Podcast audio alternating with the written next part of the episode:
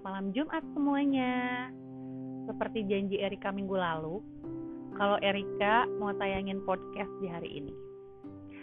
Podcast di season pertama, episode kedua. Karena episode pertama kemarin adalah sedikit perkenalan singkat kita ya. season pertama ini bertemakan kotak rahasia Erika di sini Erika mau menceritakan tentang diri Erika. Biar apa? Biar kalian bisa membayangkan kalau nanti sosok seperti apa yang akan menemani kalian di setiap Kamis malam. Tapi bayanginnya jangan yang aneh-aneh ya. Karena aku terlalu indah.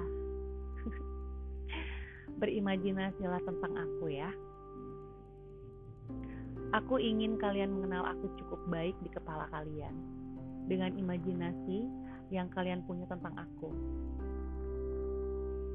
Ada yang nanya gimana kalau aku udah pernah lihat kamu di IG kak? It's okay, itu baru lihat kan, tapi kalian tetap nggak tahu aku segimana indahnya. Setidaknya secara karakter. Oke. Okay? Siap? Bayangkan ya.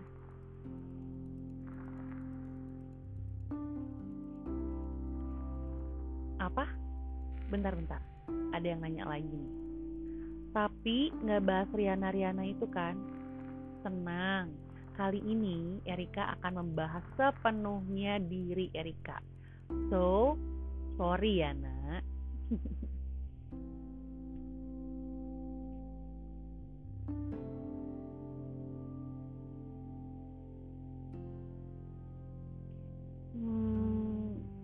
Aku lahir di tahun 90. Tepat di tahun 90. Lahir di tanggal 9. Tapi bulannya disamarkan ya. Soalnya nanti pasti banyak yang maksa pengen ngasih kado. Tetap pede ya. Aku anak satu-satunya yang terkadang membuat aku banyak menghabiskan waktu kecilku dengan mbak dan suster atau di depan kaca sendirian pada saat itu. Karena ayah dan ibu sering pergi keluar kota. Aku tumbuh di keluarga nggak utuh, alias divorce, ketika aku kelas 6 SD. Apa aku malu? Sama sekali tidak. Absolutely no. Big no. Itu bukan aib, setidaknya menurutku. Aku dituntut untuk lebih dewasa di usiaku pada saat itu. Dengan semua keadaan dan drama-drama yang ada. Aku saksi bisu dan gak tahu harus mengadu bercerita dengan siapa. Prinsip aku pada saat itu, ya sudah, itu yang terbaik buat mereka. Dan yang terpenting, mereka tetap orang tua aku. That's enough. Semua banyak mengajarkan aku hal-hal positif tentunya. Yang jelas, keadaan apa pun, kita harus tetap bersyukur. Kata-kata ibu yang selalu Erika ingat adalah Sengsara membawa nikmat. Bersyukurlah sambil berjalan kaki sepulang aku sekolah. Tumbuhlah aku menjadi orang yang mandiri, orang yang kuat, kuat rasa malu. Nggak deh yang bercanda. Biar nggak terlalu serius aja gitu ya kan? Banyak orang bilang begitu. Yang aku bilang ini menurut perkataan dan penilaian mereka. Dan Erika itu katanya memiliki rasa sabar yang luar biasa. Sampai kadang saking terlalu sabarnya itu udah kayak orang bego. Dan satu predikat yang paling melekat adalah komedian. Hmm, gak tahu kenapa selalu banyak hal terlintas ke dalam otak aku buat ngelakuin hal-hal konyol. Buat aku melihat mereka tertawa itu membahagiakan rasanya. Dan yang mereka lihat dari leluconku dan volume tertawaku yang bisa membuat jagat raya menghentikan aktivitasnya adalah gue tahu dari bercandaan ketawa lo lo lagi menyembunyikan sesuatu.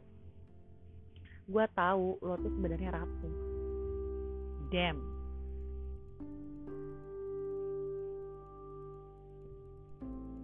Oh iya for your information, aku kalau ketawa selain menggelegar juga bisa sambil ngegeplak.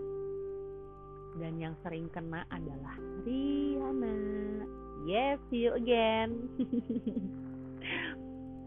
sisi buruk aku nih ya, sisi buruk aku itu salah satunya. Aku itu terkadang nggak terkadang sih seringnya bisa sangat bebal dengan nasihat. Sampai pada akhirnya aku kena batunya. Nyebelin gak sih? Pasti iya. Tapi beruntungnya aku dikelilingi sahabat-sahabat yang penuh dengan toleransi dan pengertian. Thank you guys. Udah kebayang gak sih sedikitnya aku gimana di otak kalian?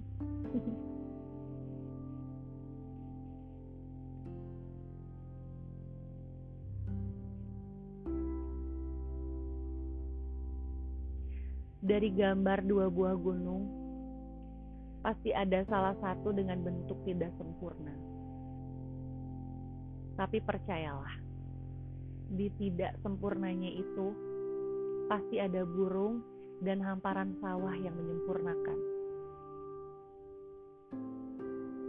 Kalian yang saat ini mungkin ada di posisi aku, bersedihlah secukupnya hilangkan image broken home dari diri kalian. Kalian tahu, kalau kalian terlahir seperti sekarang ini, berarti kalian mampu. Kalian kuat melewatinya dengan sebaik mungkin. Biarkan keadaan orang tua kita seperti itu. Tapi akan ada hal lain yang menyempurnakan hidup kalian teman, sahabat, kerabat, atau bahkan keluarga kalian yang lain. Tetap dekatlah dengan mereka. Dan jangan pernah benci orang tua kalian dan keadaan ya.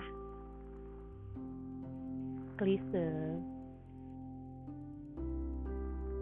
hadirnya sisi modern itu justru dari sesuatu yang kuno. Iya, dari sesuatu yang klise. Paham kan? Dari cerita ini, Erika pengen kalian mengambil sesuatu yang baiknya ya. Yang buruknya pastinya jangan dicontoh.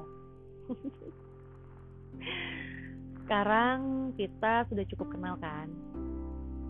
Sampai ketemu di episode ketiga ya. Masih di kotak rahasia Erika. Kira-kira Erika mau ceritain tentang apa lagi ya nanti?